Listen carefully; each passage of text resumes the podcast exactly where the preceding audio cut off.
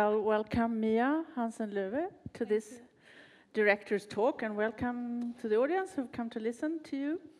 And you were actually here last year with your uh, film Maya, who uh, compared, uh, who competed in the international competition.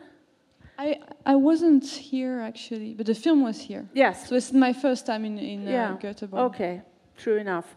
So, but then you've actually been a regular guest to this country since uh, five years almost, uh, preparing and uh, shooting your seventh film on the island of Fårö, which is Bergman Islands, which is actually the title of your of your film to come. So, um, before we carry on, could you give us an update of the, the status of, of the film, Bergman Island? Where are you? Well, the film is almost uh, uh, uh, ready. Um, I'm about to start the coloring, which is pretty much the last uh, stage before uh, finishing the film, and I, I was mixing the film in uh, Belgium in the previous weeks. And so we shot the second part of the film uh, last summer, uh, and the first part uh, was shot in 2018 in the summer too. So, but now I'm almost there, just a few more weeks work. And you're aiming for the Cannes Film Festival? I guess mm. we'll try that. Uh, at least we'll be ready for that. Mm. But we won't see any excerpts from it today. No, I'm so sorry. I know I was asked, but I, I don't even have pictures yet, actually, because, well, we had no money to hire a still photograph on the shooting. and that happens a lot now in the kind of films we do. Uh, and so we, to get the pictures from the film, we actually need to have the coloring done. So we don't have any and anything really ready yet.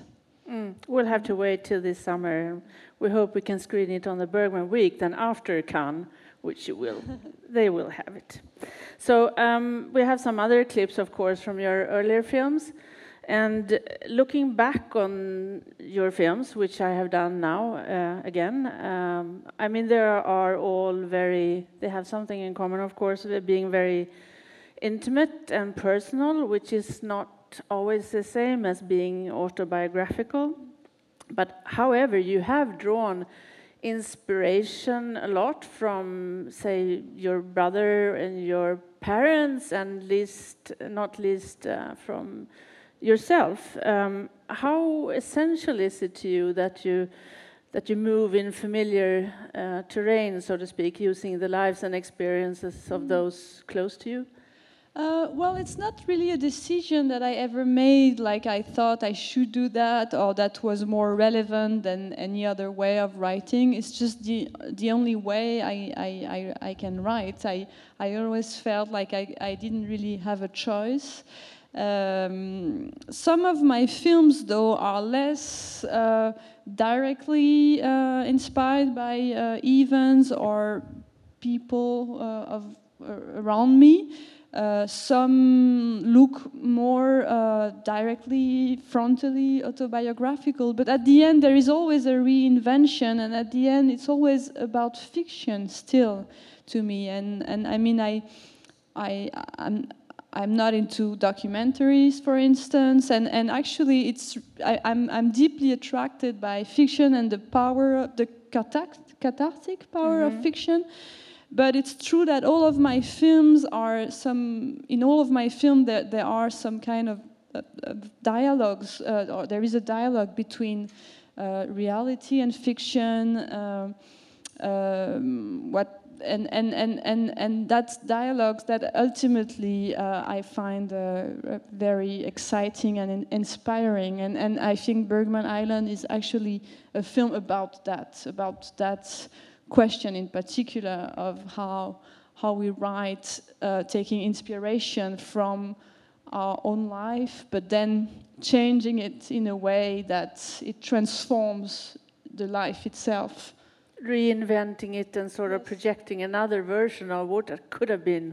Yes, and, and leading to a certain confusion at the Yeah. end. I, I realized sometimes that uh, um, sometimes that, that my, my, my, my films had a, a, tendency to replace my own memories. At, at, some, at some moments, I didn't know um, anymore what, what really happened, what didn't. It created some kind of, of, of, of confusion in my own mind, and, and, but it's a confusion that I enjoy. Yeah, and we'll get back to the creative confusion because I think that's some a typical trait also for another director whom we'll talk more about. so, um, except for the first film, because all in all now you made um, uh, seven, uh, including Bergman Island, and you always write your own scripts.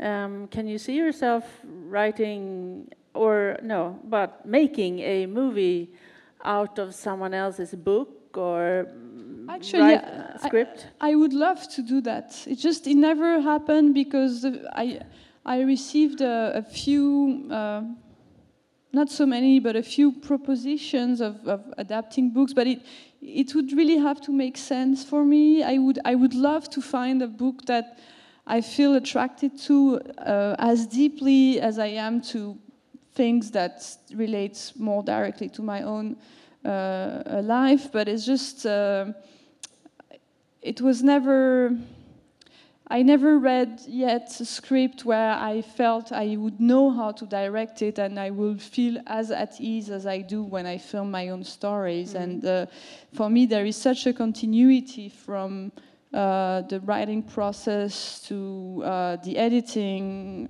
and of course uh, during the shooting as well that's one actually for me that's one single movement divided in different moments and waves of writing but it's still one single thing. And i i just don't know yet how to Bring uh, that into your own yes, vision? and, and make it mine. Yeah. Yeah. And while seeing your films again, then there are more things I reflect upon, uh, apart from, you know, their common traits being that they are, um, you, you know, you have your personal and very distinctive style, I think, in your films. And um, they're also all about people who suffer some kind of loss and uh, and probably depend on some kind of change also to change their lives, but somehow they're not particularly willing to undergo that change. And of course, there is also the element of the passing of time. Is that a general fair description of something? Yeah, well, not for you to say.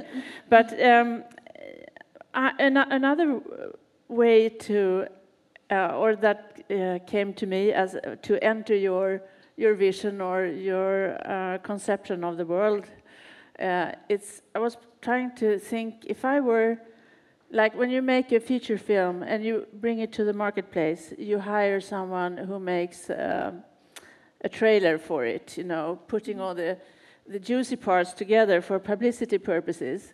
And I was trying to place myself in the in that uh, position as your trail uh, trailer maker person, and I thought that would you know be very difficult because when you see your films, uh, there are no like um, they transcend the idea of an action scene. There is no such things as specific scenes because they're placed in a very everyday context and um, of people struggling with their lives, and it's very much like life itself, where there are no separate events that you know define the action. Now I'm getting lost in territory here, but what I'm getting at is uh, um, um, how how do you deal? I mean, this this seems to be very much at the core of your vision to deal with this everyday reality, and not in a very conventional filmmaking sense that you have a plot that develops and then you have this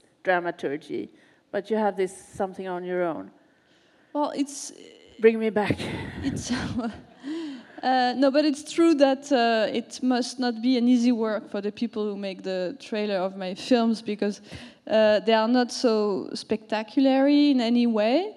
Um, and yes, they, they deal a lot with everyday life and, and, and, and, and they do deal with changes in the lives of people, but it's most of the things that happen happen inside them, uh, not, and they are not necessarily immediately related to obvious events. So that that that's uh, for sure is uh, um, in, on a commercial level not is a is not a quality. Uh, uh, but part of the way I, I write, uh, yeah. for sure. But on the other hand, I, I do think there is a Romanesque, I don't know if it's the same word in English than in French, Romanesque, we say, uh, dimension of my films. I mean, um, yes, they portray the, the life of the characters as they live, I mean, in their everyday environment, but at the same time, uh, most of my film deal with, as you said, the passing of time and and uh, so there is it gives some kind of uh, uh distance and and I think some kind of Romanesque dimension to the stories. Like my first feature, for instance, was happening during 15 years and the two first parts of the film, we would follow the main character was uh, uh, a man, and then this character was disappearing in the third part, and we would instead follow his daughter and then find him again. But I mean, there there are some kind of, of constructions where I, I can shift from one character to mm. another or from one period to another. Uh, that that does give uh, another uh, dimension than, uh, than, than just not the one that's about the everyday life and the present. Mm. Yeah, just to make myself understood, I didn't mean that as a bad thing, that there was no traditional action. All I meant really is that you're, when you see one of your films, one is led to believe that there is actually nothing going on. You know, this is like a mundane setting, and, and then after a while, uh, you you become aware that there's a lot going on but it evolves very sort of, you know, effortlessly and as as in your most people's lives, I guess. So that's a quality, I, of course. I think, but I, I, wasn't trying to defend neither. I was just trying to explain what, what yeah. I was, what yeah. I'm trying to do in, in my thing. But I think it has to do with my quest for. Uh, I, I'm, I'm trying to in, in, my film. I I'm trying to give a feeling of. Uh, of life, really. That's the one thing I've always been looking for. Mm. I think mm. some directors are interested in, in giving a feeling of cinema, and that can be a very relevant uh, quest as well, because there is a lot of, of uh, thrill in, mm. in, in the, the pleasure we have recognizing the, the grammar of, of cinema, but I'm, I'm more into the opposite.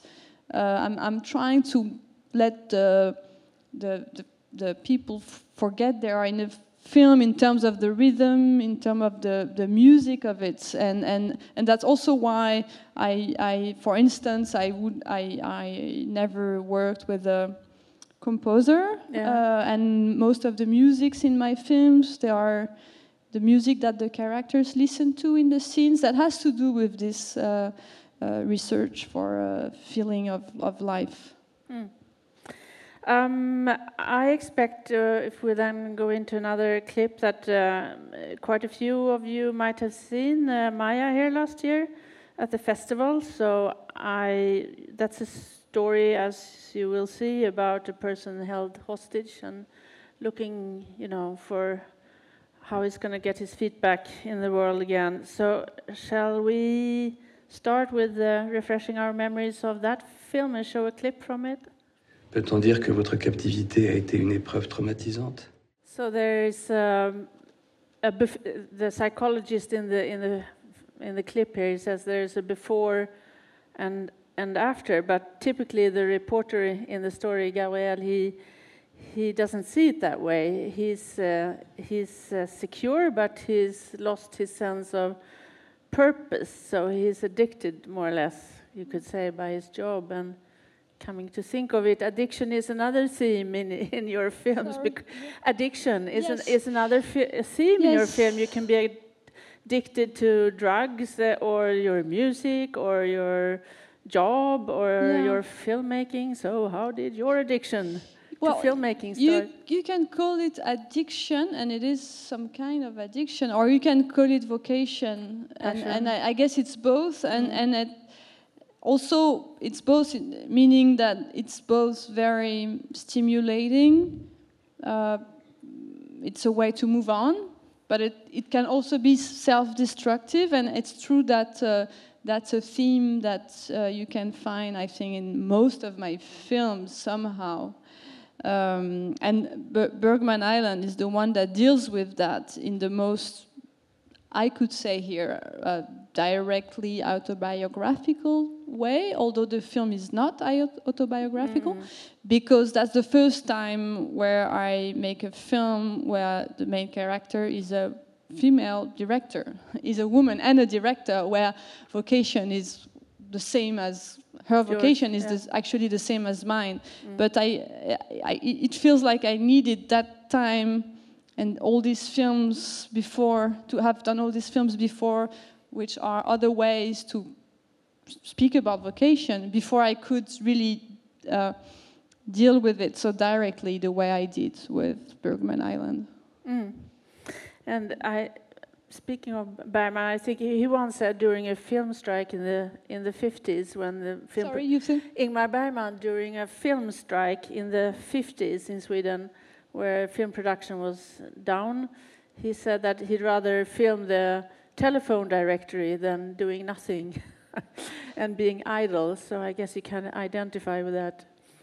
To do what? You, would rather? To, to film the telephone directory, Uh-huh. la répertoire des téléphones, yeah, Then y- filming. which you can't, of course. So that Yes. yeah, well, rather than not doing anything, that was just straying. So um, um, I well, speaking about um, the addiction, my, my own film addiction uh, actually started with François Truffaut, and he It's a good one. yeah, and he said that there are basically two types of films, and the ones that depict reality as it is, and the ones that depict reality as you want it to be. So obviously you prefer Which? category. It's funny that you're um, uh, giving this quote because it's one, uh, one that I know that's very dear to me as well. That Really? quote from yeah, I've been uh, quoting it a lot. Uh, Okay. Because uh, I there is something about it that I found so uh, true, and that I feel also about my own films. I think Truffaut was when he said that he was talking on about his own films. The fact that among his films there were these two categories, and uh, I have the same uh, feeling. Although for me, I think most of my films are the, a mixture of both, kind of. Like what I mean is like I'm, I'm and it's that's why it's very. Uh, um, risky or fragile or difficult because I'm trying, I think, at the same time to uh, talk about reality as it is, but simultaneously, I, I, I, I wouldn't make a film. I need, I need the cinema to go towards light. Not that I want to uh, say anything that I would think is not true and, and make happy endings or this kind of stuff and, and, and betray reality, but find a way to look at it in a way that it's, it's both true and somehow uh, comforting Yeah. uh, without betraying the truth. And that's a very tricky. Um, uh, ba- I mean, um, Balance, you yeah. have to find, but that I think my films are have a lot, a lot to do with that trying to find this balance between uh, uh, the pure, true as you think it is, and then uh, the need, uh, the necessity of getting over it somehow. And um, things to come, uh, Dagen efter, uh, in the Swedish title. That was um, well, maybe your most successful in commercial terms, I don't know, uh, film to date. Uh, winning a Silver Bear in, in uh, Berlin for Best Director. And in that film, uh, Isabelle Huppert plays, plays a philosophy professor who's dealing with a husband who's leaving her and uh, a mother who is suffering from dementia. And uh, she has a favorite student that sh uh, she seems to be more interested in than her own children. So let's watch a clip from that. Comme en art, par exemple. On ne peut pas parler de vérité en art. Ah bon Est-ce qu'on débat encore pour savoir si Homer... I love this bit with the old diva mother. All she's focusing on is the handsome fire man. But anyway, this is basically a story in a sense of survival, I would say. You know, she's uh, this is a typical character, the Isabelle Huppert daughter. She's resisting, uh, you know, the change and need to adapt to the new circumstances. For me, there is a little something special about this film is that when, when I wrote it, I, I, I really was was unsure about that the fact that it was a good idea to write this film, and I thought it would be very difficult to produce it, and that uh, it would be very depressing. And uh, actually, some people said, "Oh, it's a film with uh, about an intellectual. It's." Uh, uh, you know, it's pretentious or boring or the kind of things people say when you portray intellectuals. and it turned out to be my most successful film where people laughed the most during the, and uh, that was a surprise to me actually. It has, I think it has a lot to do with Isabelle Huppert's way of acting, of so course. So the sense morale is not always make pictures about intellectuals. yeah, but also it has to do with, with, with my mother herself inspired the part, and I think she has this kind of uh, sense of humor that made it possible for the script to, to have that lightness, although the story was tough. Mm -hmm. And I mean, this truly must be one of Isabelle Huppert's uh, best performances. Did you write it with her in mind for the role? I don't know I, if you can say that because she's been in so many films and so many great films. Yeah. Um, it's just uh, at least maybe it's one of her uh, good ones, I think, uh, hopefully. Uh, but yes, I, I, wrote with her in mind, and I think I could only write it because I had her in mind, and, and, and I knew she could be great in, in the film. I had no idea if she would accept it, but I was hoping she would, and that really gave me the, I think, the, the energy and the courage to confront the story, uh, the fact that I had her in mind. Mm. Mm. Well, um, another stop before we move on to Bergman is I'd like to talk about your third film, um, the absolutely lovely and, and painfully melancholic film uh, Goodbye First Love from 2011.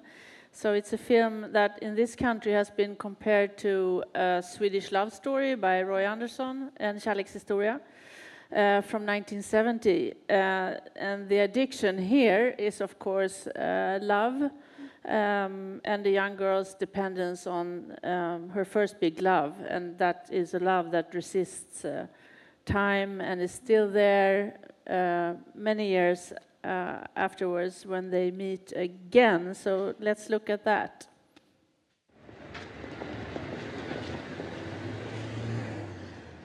In the middle, in the middle of a kiss, and the passing of time here is, of course, the most essential component. You know, people's lives may change more or less dramatically, but certain feelings we we keep.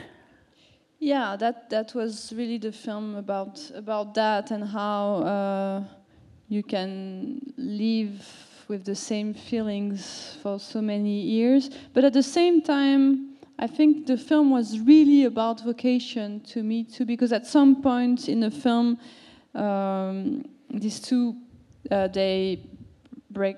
I mean, they break up, break up yeah. several times, but at some point it's it's really over, and and and she we see her being really desperate, but that's when she. And then there is um, a gap, I mean, mm -hmm. the, an mm-hmm. ellipse in, mm -hmm. in the story, and then we see her a few years later studying architecture and getting really uh, passionate about it, and and uh, we see how, in a way, she gets uh, healed Yeah. uh, by this, and and and, and I, I pretty had the same experience with cinema. It it really took me. It it uh, emancipated me uh, from Liberated. Yeah. sorry, liberated me Yeah. Well. uh, from uh,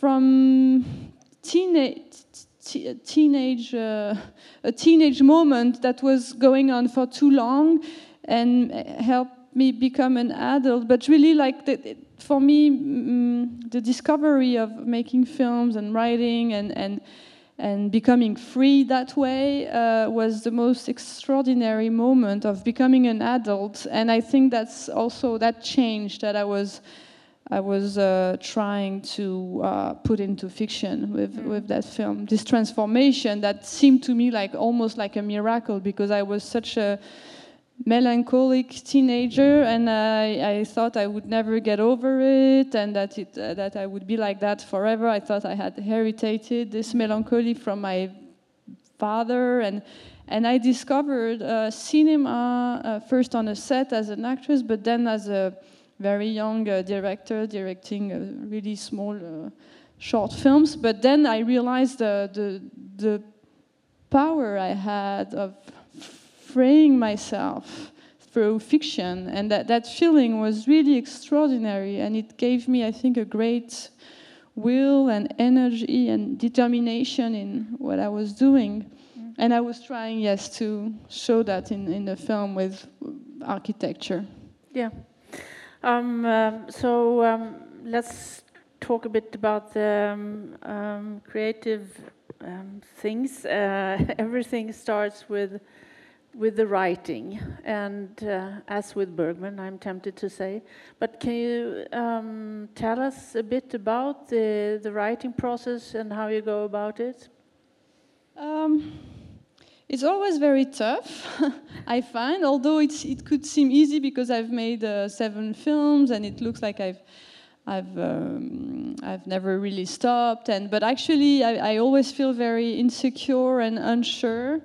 Um, and I I think of a, I usually think of a film during months before I I start writing it.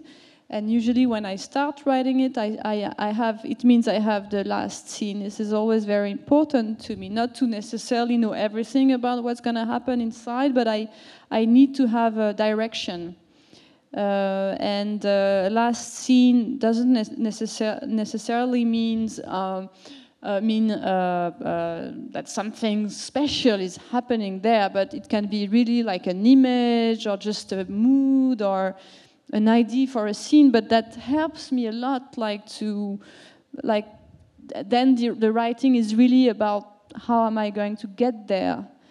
Uh, so that's how it works for me. For instance, when I wrote uh, uh, that film, Goodbye Fir- First Love, was not uh, an e- easy film to write. Took me time, but I had this image of the ending. Uh, I knew that she was going to go to swim to the river, and that her hat, the hat that her boyfriend had been offering us years before, was going to be taken by the wind. That's very simple. That's not like a big, you know, But it's a dramatic very poetic image which ends the film. But it's yeah, it gave me the kind of it gave me the meaning where the film was really going. That I had that, and it was really helping me a lot to to start writing and motivating me. And uh, yeah, that that works like this uh, for me. Sort of a backwards progress into the film. Yeah. Yes, but then I write really. Uh, I uh, then I write from scene one to scene hundred. I mean, I cannot just. I don't write scenes here and there and then fill the gaps. For No. instance, no. Then I really I work a lot on the architecture of of the. I mean, on the outline, and then I really work very uh, chronologically. So um, uh, let's go to Bergman and Fårö then for the time that's left. Oops, uh, some five minutes. Uh, I think we have do we have the one image from the film, uh, two actually. So this is uh, well, you tell us. Well, this is on the last day of shooting in 2018, and it's uh, two of the main actors, Mia Wasikowska and Anders Danielsen Lie, with as you can see, the how do you call that in English? The clap. Yeah. I don't know the name in. Klappa. So that was after the la- yeah when we finished the last shots of the first year of shooting. Yeah. So these are, um, well, we'll get on to the structure of the film soon, but this, we can say this is one of the two couples Yeah. in the film. Yeah. And then the other image of the other couple, uh, this is uh, in front of Bergman's, one Yeah, of I'm his sure houses. a lot of you can, who have been to for Yeah. can recognize, or who have seen uh, scenes from a marriage, maybe. Yeah.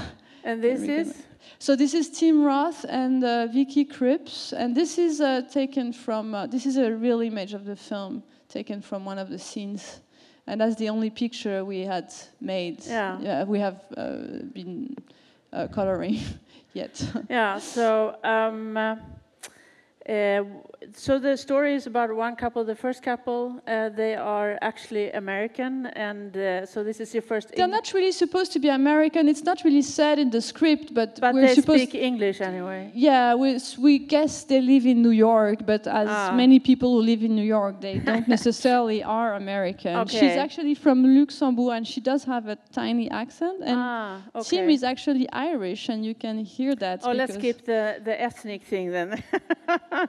but anyway, they go to Fårö to write a film script, or rather two scripts, because they're going. They're both film directors, and they are going obviously to write one each. And that's also how yourself and your ex-partner Olivier Assayas first came to. No, No. I never came with him. No. Oh, sorry. No, because I read. I have to say that because I, I, read there. that I a lot. known better. No, I, I, he never, he never went to Fårö actually, and that's the thing. And that's why when I'm Ah, saying my I films are not autobiographical the way they seem to Okay. be, actually, I went there alone. Okay, we start all over again. So this is actually how you first, alone, came to Fårö uh, as a resident of the Bergman estate.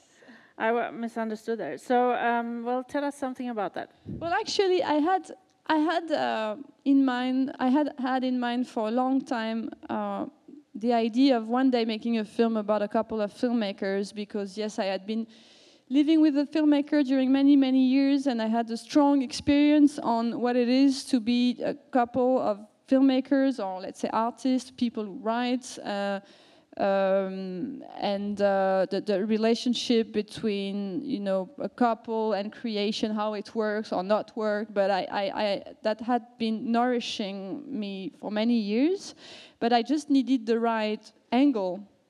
Uh, so this thing was there in my mind like sleeping. And then at some point uh, i heard about Fårö uh, i mean about not that i mean I, I had known for a long time about bergman living there and, and, and, and everything but I, I, I mean i heard about the residency and the possibility that was given to artists to stay there and write there. And uh, at the same time, I received, or Olivier Assayas did, uh, the book that was made from the auction Yeah. that was supposed to, where all the things from the houses were supposed to be sold all over the world. And there was a book made out of that with all the pictures of the object and the houses. And for some reason, I got totally fascinated by these images and, and the way they were very concrete, but the way the material life could resonate with the the inner life somehow. There was some kind of mysterious dialogue, um, something that really was inspiring to me. And another thing, maybe also, was that the landscapes uh, attracted me immensely. Maybe somehow, strangely enough, they reminded me the landscape of my childhood in Ardèche. I know it's very different, but there is the same. Um, wilderness or it's very preserved uh, in Ardèche as well and I missed these places and somehow I think I got attracted by Fårö because of that. But the main reason of course was Bergman uh, like as this as being this like complicated father figure. Uh, and and me. as you said in this, uh, there is this interview today in Dagens Nyheter with you, and and the headline runs runs in the category of bad father figures. Ingmar Bergman is the best. that pretty much sums it up. No, because I was asked why I was so attracted to Bergman's world and Bergman's, and, and, and I, I, I mean it. What I mean is like I, I think in my films I've always been attracted to. Uh, when I mean father figure, I also mean it in the spiritual way, of course, but who are amb- ambivalent, uh, who are mm, I don't know if I should say self-destructive or tortured Mhm. or or mm, strong figures but weak somehow and I don't know why it's hard to explain maybe it's why I made the film but I was deeply uh, attracted to not only to Bergman's cinema but to somehow to his world and uh, so I went in 2014. I went there for the first time with this idea in mind, just to have a look of the place, and it was even more inspiring than what I, I, I thought. And then the, I think the next year or two years later, I came back and then I, I stayed there on my own and, and started writing the script. So that was an extremely exciting uh, experience for me because I was writing the script of a film that was happening there about people writing scripts you know so it's there is there was some kind of vertigo experiencing the film as i was writing it And then on top of that, of course, there is this uh, meta perspective in the film. So I mean, there is this uh, the film's narrative blends with another level of fiction. So there is this film within the film. And how did you think of that p- specific uh, idea? i think it really it's really thanks to the to me really to the magic of Fårö. Oh, No, really, because I, I, when I came to write the script, I didn't have a precise idea in mind. I didn't know yet how it would turn out. I knew it was going to be a film about a couple of filmmakers, but I didn't know how I would tell the story.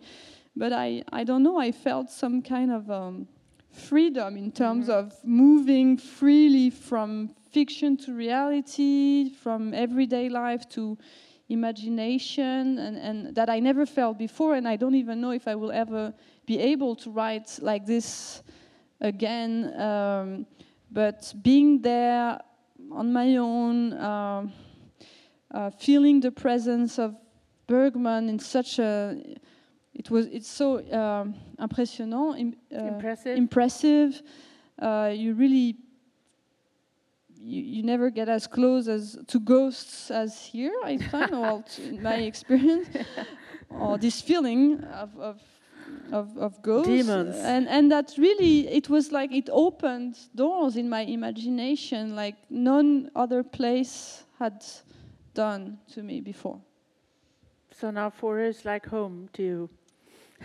yeah I, I wouldn't say that in front of you but uh, Come on. I, I, I, I, I miss for her actually, Yeah. and it's it's it's surprising to me because usually when I film in a place, you spend so much time there that that shootings most of the time they kind of kill the places uh, because you turn them upside down and and somehow after the films you wanna you, you don't wanna ever see them again, and the only place that I where it it, it, it didn't it wasn't like that for me was for her where, where I really wanna I really would like to go back. Um, time is unfortunately running out here. I, we, I could speak much more about Bergman Island we should have, but uh, I have to uh, ask you though. I mean, we've already touched upon the autobiographical aspects of your film, and, and like you also mentioned yourself, Bergman Island touches more directly and explicitly on what it is to be a director, a writer, or the creative process itself. So. Uh, is it fair to say that this is your most personal film then, of the ones you made? Well, I think really all my films are really. Yeah. It, it's hard for me to not see them equally personal, but I do think this one is the most frontally, um, Explicitly. yeah. explicitly. Uh, I don't know if autobiographical is the right uh, word, but uh, personal. Yeah, maybe you can say that. Yeah, and I also saw that while you commented on your, you know, uh, being a woman director and what it does, uh, and uh, Well, you were speaking about in this interview today that uh, you know the the um, thing was more to uh, having to defend your personal vision when you made your films and that type of sensibility which goes into your films. And I'm thinking of another quote now, Bergman. He said that uh, you know of all the female characters he created for his films, which he was so praised for, he said that they were all basically him. You know, because you have these two sides. And can you relate to I, that? I totally agree with that, and uh, I, I, I feel as related to the male characters in my films than to the female ones. Mm. And uh, it could really make me angry to think that people would think because you're a woman, you would know only how to portray women, or the reverse. You know, if you are a man, you have to. I, I do think we have enough of masculinity and femininity in ourselves that we can connect with characters that are women or men, young, old, uh, different. You know, we, you, we have we can find a lot in common, uh, whatever gender or. For instance, when I made Maya, my previous film, the main character was a, a man, and yeah, he had nothing. It seemed like we had nothing in, in common. He's a war reporter. He is traumatized. He goes to India to uh, start a new life, but I, I, I did feel a lot of empathy with the character when I wrote it, and, and, and to me as well, going to in, going spending so much time to India to make this film was a way to start something new in my life, and to it was also a quest for meaning on my side too. So I mean, yeah, I I, I, I, I can totally believe that a man can film. Uh, portray uh, woman character and feel be, feel like being them as much as feeling like being the male figures. Mm. Um, I had a lot of questions uh, also concerning Bergman Island, but I'll save those for this summer when your film has Sorry, premiered I in talk too much. Cannes. no, no, absolutely not. Uh, in Cannes, and then we'll screen it at the Bergman Week, and then we'll do another talk. But is there room uh, maybe for uh, a couple of questions? Nahe? Okay, I guess we not. Sorry. Sorry, folks.